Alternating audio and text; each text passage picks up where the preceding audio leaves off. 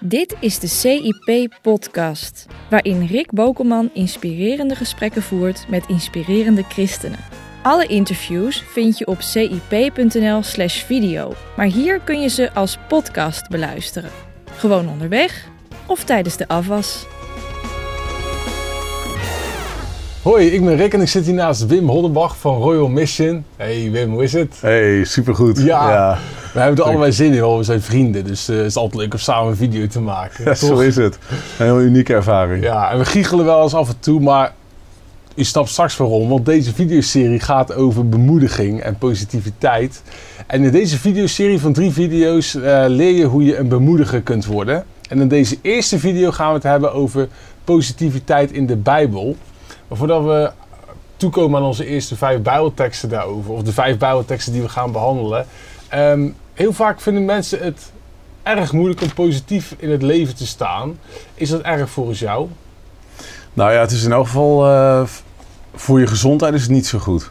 Omdat? Nou, je, een, een lach brengt, eh, brengt gezondheid. Ik, eh, ik, had, ik had ook even gekeken in de Bijbel van wat staat er nou allemaal over vriendelijkheid.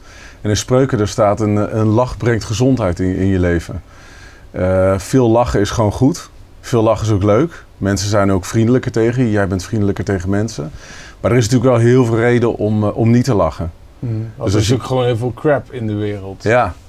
Dus als je geneigd bent om te kijken naar de zwarte randen van, van de wereld, ja, dan zou je de hele dag kunnen huilen. Dus ik, ik heb soms het idee, als je niet bewust kiest om te lachen, dan ga je vanzelf ga je treuren. Ja. Dus eh, lachen, vriendelijk zijn is een keuze. En hoe belangrijk is het dan om positief in het leven te staan?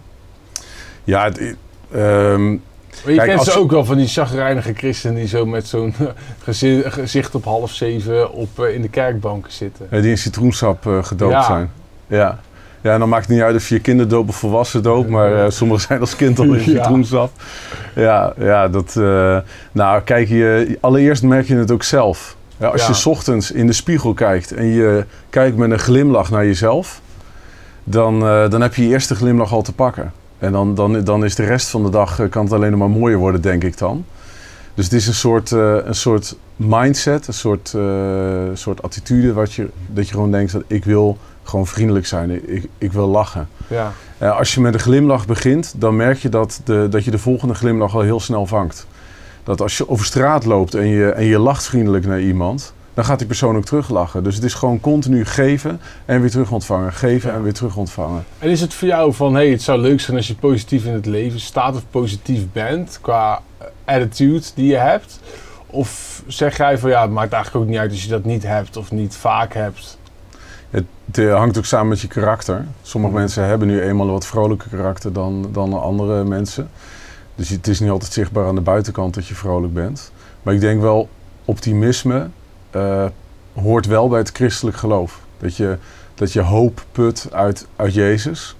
En dat je gelooft dat God de wereld kan veranderen. En als je gelooft in een hoopvol God, dan, dan komt er ook vanzelf hoop in je leven. En als er hoop in je leven is, dan durf je ook te lachen als de omstandigheden het eigenlijk niet eh, toelaten. Ja, want ik heb jou gevraagd, ik wou een retorische vraag stellen. Ik wou vragen, hey, staan er nou Bijbelteksten over positiviteit in de Bijbel? Maar dat weet ik al lang, want je gaat er vijf noemen. Ja, want dat hebben we, dat hebben elkaar gezegd. afgesproken. Dat hebben we afgesproken.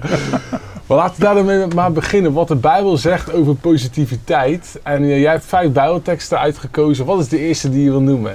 Nou, de eerste die, die, die noemde ik eigenlijk net al. Zie je in Spreuken 17 vers 22 eh, staat dat. En daar staat dan een vrolijk hart bevordert een goede gezondheid en een sombere geest die verzwakt het lichaam. Ehm, ik, ik, eh, soms zie je zelfs letterlijk gewoon op gezichten. eh, het is een beetje gevaarlijk wat ik nu ga zeggen, maar zie je soms het, kan je het chagrijn van afkrabben. Ja. Dat je, dat je, dan zie je dat mensen gewoon nooit gelachen hebben of nooit hebben leren lachen. Ehm, en en, en dat, je, je, je krijgt dan ook gewoon vaak gewoon boos, boosheid terug, merk je ook wel. Als je zagrijnig de wereld inkijkt, dan merk je ook dat mensen vaak ook wat zagrijniger ook op jou reageren. Ehm, dus dat, en dat, en dat, dat heeft weer een weerslag op je gezondheid. Dus ik geloof echt dat, dat vrolijkheid of een vrolijke instelling, Mhm. ook komt dat misschien niet altijd naar buiten, maar een vrolijke instelling in je hart, dat je vrolijke gedachten hebt, dat je gedachten van hoop hebt, dat je kijkt naar Jezus en dat je zegt, ja, ik wil gewoon vrolijk zijn. Tegen alle verwachtingen en, en omstandigheden in. Maar ik wil mijn oog op u richten. Ja. En deze Bijbeltekst helpt erbij.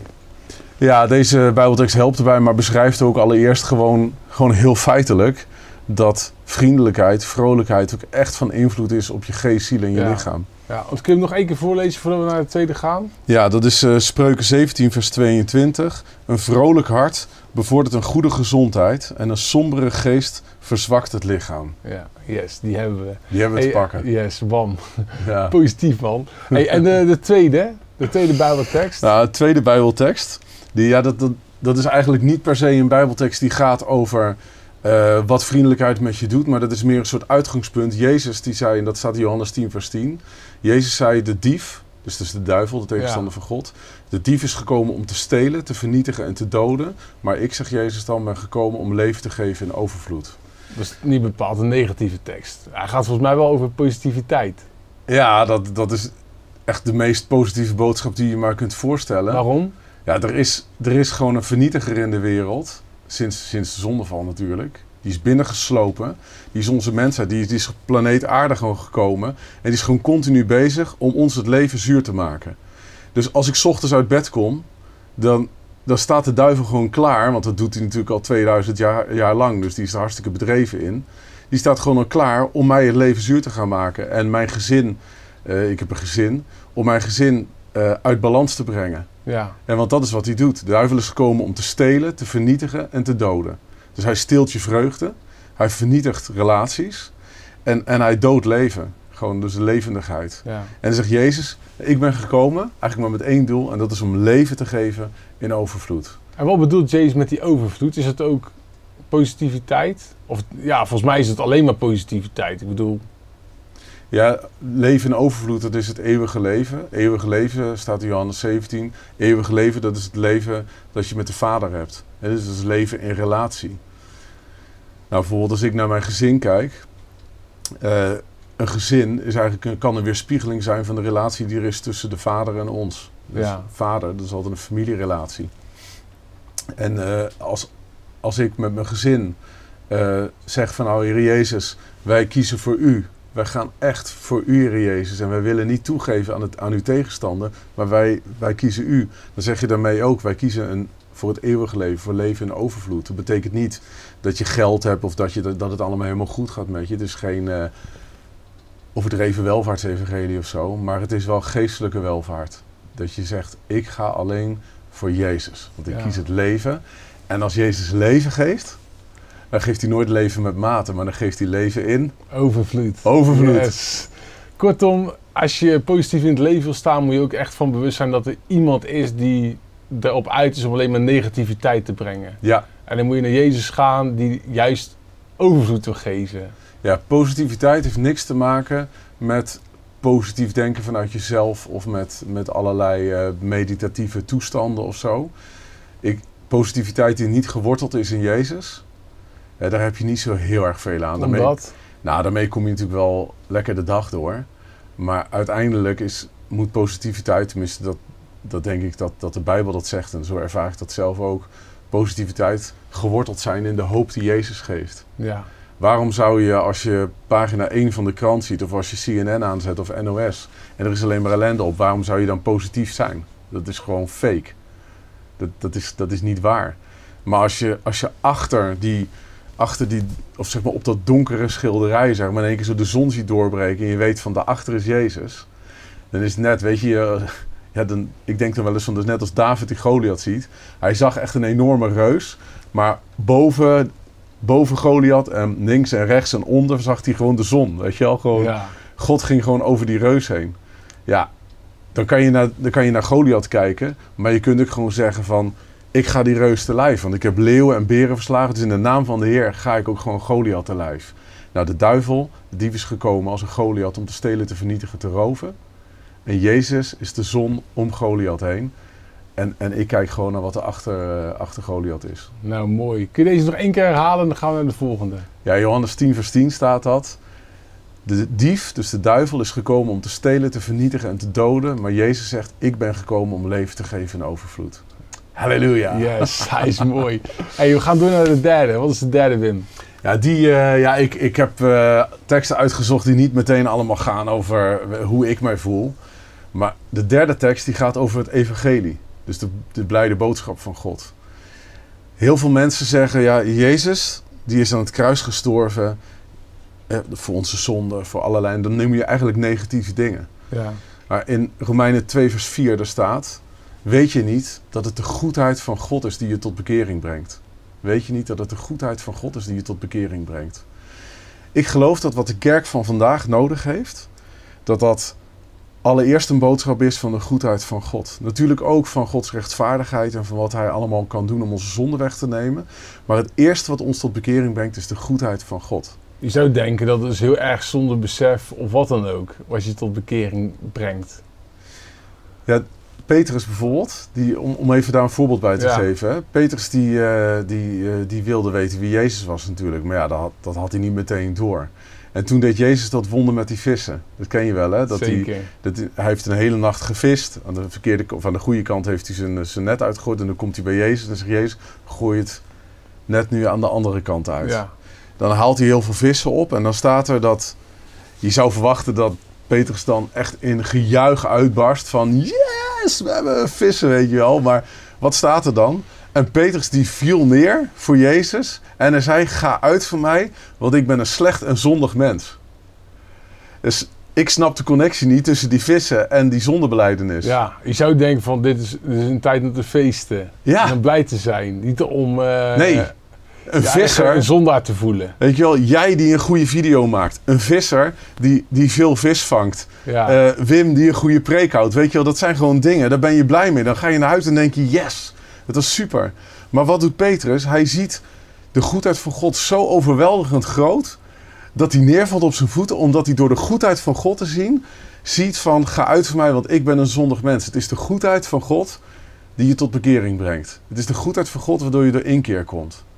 Dat is iets heel vreemds, maar ik geloof dat dat het echte evangelie is. Waarom helpt je deze Bijbeltekst positiever in het leven te staan?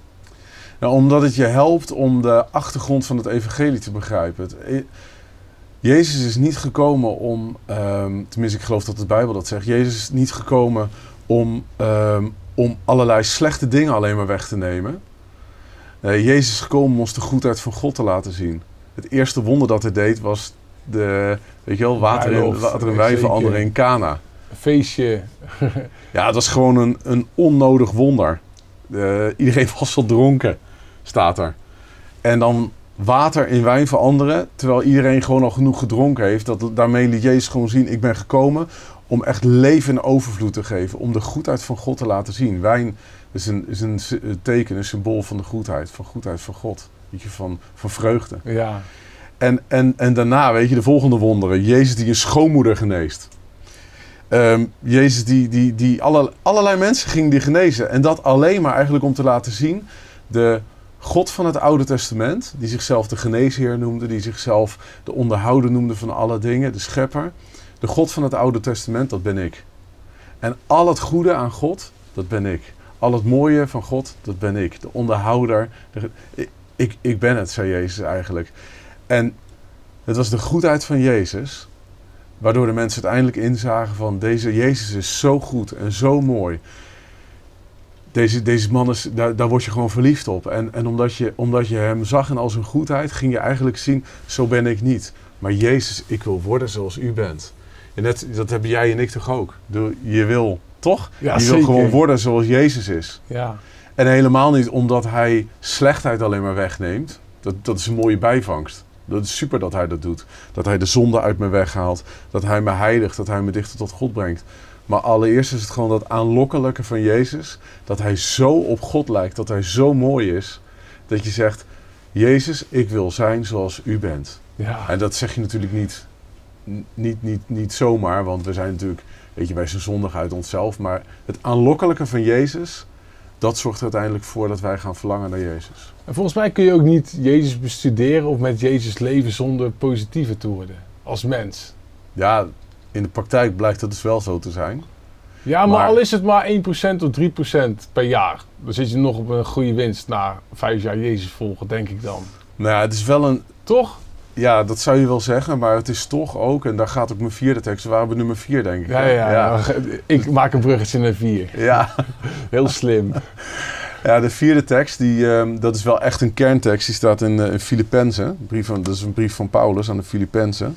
Dat is een wat langere tekst, maar ik wil hem toch even voorlezen. Omdat het, die vierde tekst die laat zien dat vreugde je niet komt aanwaaien. Vreugde is ook echt een beslissing. Hè? Kiezen voor vreugde is een beslissing die je neemt. Er staat in uh, Filippenzen hoofdstuk 4, vers, uh, vers 4. Laat de Heer uw vreugde blijven. Dus dat is een commando, hè? Dat, is een, dat is een opdracht. Laat de Heer uw vreugde blijven. Ik zeg u nogmaals, met nadruk. Wees altijd blij. Laat iedereen u kennen als vriendelijke mensen, want de Heer is nabij. Betekent het echt zo van, hey, wees gewoon vrolijk? Ja, Normaal kun je dat niet echt tegen je vrouw zeggen, bijvoorbeeld. Ik denk even aan mijn lieve, lieve vrouw René, je kent haar. Eh hey, doe vrolijk.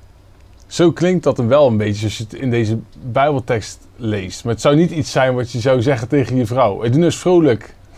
nee, maar er staat ook niet doe eens vrolijk. Er staat laat, laat er vreugde zijn in je leven. Ja, vreugde en vriendelijkheid, dat zijn vruchten van de geest. Is eigenlijk... Maar het is ook een commando, dat wil ik ermee zeggen. Het is, ook, het is ook inderdaad een opdracht. Ja, en daarom heb ik deze tekst ook erbij gezocht. Omdat ik geloof dat het ook echt vreugde, vriendelijkheid komt je gewoon niet aanwaaien. Het is echt een besluit dat je neemt. Het is echt een besluit dat je neemt door voor de spiegel bijvoorbeeld te gaan staan. En echt gewoon te zeggen, ik kies ervoor om Jezus na te volgen, ook in de vreugde. Ook wanneer ik lijd, in de vreugde. Ook wanneer ik door een moeilijke tijd ga, in de vreugde. En ik ben ook wel door moeilijke tijden heen gegaan. En, en, en, en mijn vrouw ook. En als gezin hebben we het ook echt altijd niet makkelijk. Maar als ik niet kies voor vreugde, Dan dan komt het zal helemaal vreugde niet. mij ook niet gaan volgen. Nee. Nee, dus het is echt een... eh, ik weet nog op de middelbare school, toen, eh, toen... Ik zat op mijn openbare middelbare school. Dat denk ik nu aan, terwijl, het, terwijl ik er zo... Toen liep ik een wc binnen en toen stond daar een jongen en die had niet door dat ik binnenkwam. En die stond voor de wc, stond hij echt eh, te knipogen naar zichzelf. Zo te lachen naar zichzelf. Doe ik ook wel eens hoor. Ja, dat, dat kan me heel veel voorstellen. Hey Rick, Eh, hoe is Rick, het? jongen, je bent super. en ehm, en toen, vond, toen moest ik daar een beetje om lachen. Maar achteraf denk ik van, dat is eigenlijk heel goed. Dat je, voordat je een gesprek ingaat, dat is gewoon een tip... Weet je, aan kijkers die gewoon op SIP zitten te kijken. Ik, ik denk wel eens, als je... Bijvoorbeeld op SIP, hè, hieronder staan, staan allemaal van die comments. Hè, dan Ja. gaan mensen reacties geven. Ik denk wel eens twee dingen. Als je voordat je een comment, als je voordat je iets gaat intypen, als je dan eerst in de spiegel kijkt en gewoon lacht naar jezelf, dan, dan, dan is het ook veel vriendelijker wat je op gaat schrijven. Ja, dat denk ik ook. En het tweede, als je eerst gaat bidden voor degene over wie je gaat spreken. Er komen misschien in een van de latere video's ook nog wel over te spreken. Als we misschien over bemoediging en roddel, weet je wel, over dat soort Mhm. dingen. Maar als je gewoon gaat bidden voor degene die, eh, eh, over wie je eigenlijk wil gaan schrijven, dan komt er vreugde in je hart. Of je nou van mensen houdt of niet, maar dan komt er vreugde in je hart. En dan ga je nalaten om lelijke dingen te zeggen over mensen. Goeie tip. Maar waar we het dus over hadden, is die, die opdracht. Hè? Ja. Dat, dat het dus vreugde komt je niet aanwaaien. ja, kun je hem nog één keer voorlezen? Dan gaan we door naar de vijfde. Ja, er staat: Laat de Heer uw vreugde blijven. Ik zeg nogmaals: wees altijd verheugd. Laat iedereen u kennen. Laat iedereen u kennen als vriendelijke mensen. Waarom? De Heer is nabij. Met andere woorden, we hebben gewoon hoop. Als je in hoop leeft, waarom zou je dan kiezen voor hopeloosheid? Dus laat iedereen u kennen als vriendelijke mensen. Zo is het. En de vijfde tekst. De vijfde, ja, de vijfde. Moet ik eventjes heel goed... eh, want als, ja, ik, er zijn natuurlijk ook zoveel teksten die je zou kunnen noemen als het gaat om vreugde. Dus ik heb echt gewoon moeten kiezen. Dus ik, ik, heb, er, ik heb er eigenlijk veel meer dan vijf over opgeschreven. Efeziërs hoofdstuk 4 vers 29.